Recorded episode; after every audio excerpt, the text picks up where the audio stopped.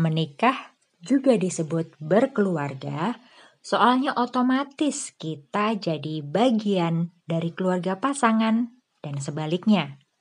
Udah pasti dituntut untuk luas menyesuaikan diri biar gampang diterima. Syukur-syukur kalau semua nyambut dengan gembira. Meski sesekali pasti ada aja yang kelakuannya bikin kita jadi belajar ekstra sabar. Seperti kisah Ratna Nisa di podcast sama Manda.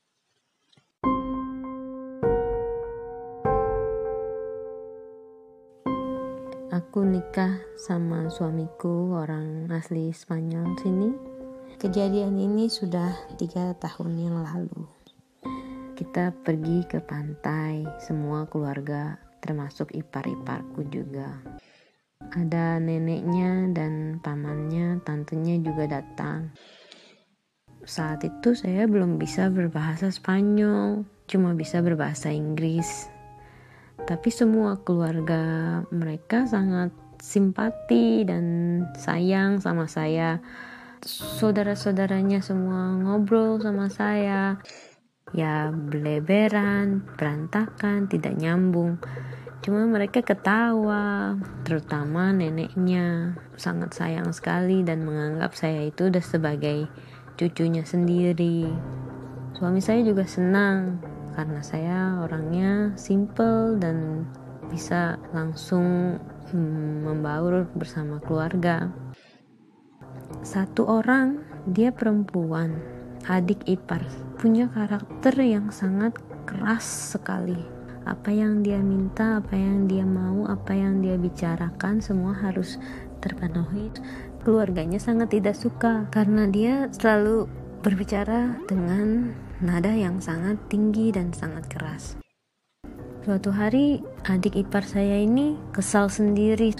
Paginya dia kesal dengan sepupunya sampai marah-marah. Sorenya membentak saya di depan semua keluarganya. Pakai bahasa Spanyol, kamu jangan duduk di sofa karena bikinimu basah. Saya tidak merasa sakit hati saat itu. Saudaranya semua berpikir kalau dia sangat kasar kepada saya. Kenapa kamu bentak-bentak dia kalau cuma untuk pindah dari sofa? bisa bicaranya baik-baik. Semua keluarganya itu membela saya.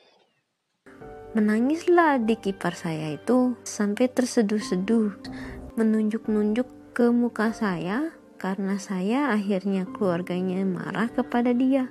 Tapi saya tidak mengerti karena mereka berbicara bahasa Spanyol. Jadi saya tidak bisa minta maaf.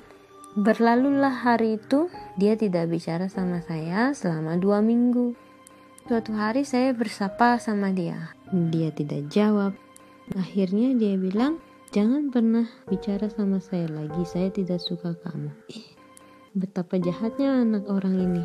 Saya bilang sama suami saya, sama keluarganya.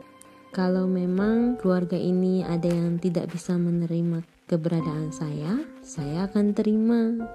Saya tidak mau karena saya, keluarga Anda semua terpecah keluarga nomor satu jadi saya bilang sama suami saya kalau lebih baik saya pulang ke Indonesia saya akan baik-baik saja dan merawat diri saya sampai kita bisa tinggal bersama di Indonesia. Dan saya memang pengen suami saya itu memilih keluarganya bukan saya. Dia bilang kamu tidak perlu berpikir seperti itu. Nanti kami yang akan membicarakan soal ini kepada dia Akhirnya mereka membahas masalah ini. Suami saya mengancam dia, adik ipar saya. Kalau saya separate sama istri saya, ini semua kesalahan kamu. Ini tidak akan membuat saya bahagia dan saya akan membenci kamu selama hidup saya. Dan saya pun tidak akan menghargai kamu selama hidup saya lagi. Kita keluarga, jadi kamu tidak perlu merasa kehilangan saya.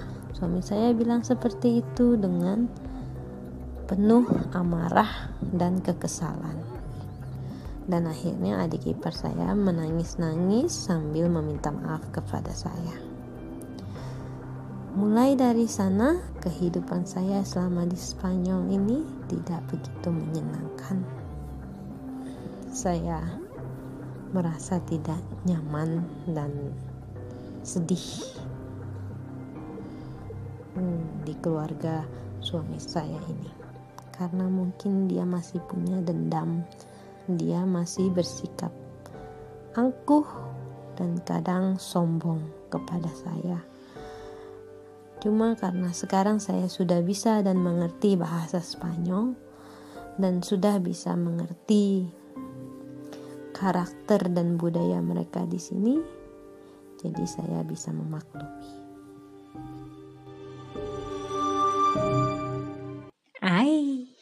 tiga tahun yang lalu itu. Sekarang keadaannya udah beda. Udah ada baby dan ada yang lagi di perut. Sehat terus ya, tetap bahagia, selalu adaptasi dengan segala keadaan. Kita sama-sama tahu kalau dua keluarga melebur jadi satu bukan masalah mudah. Terlebih kitanya jauh dari keluarga. Hebat banget loh dirimu bisa berkembang sejauh ini.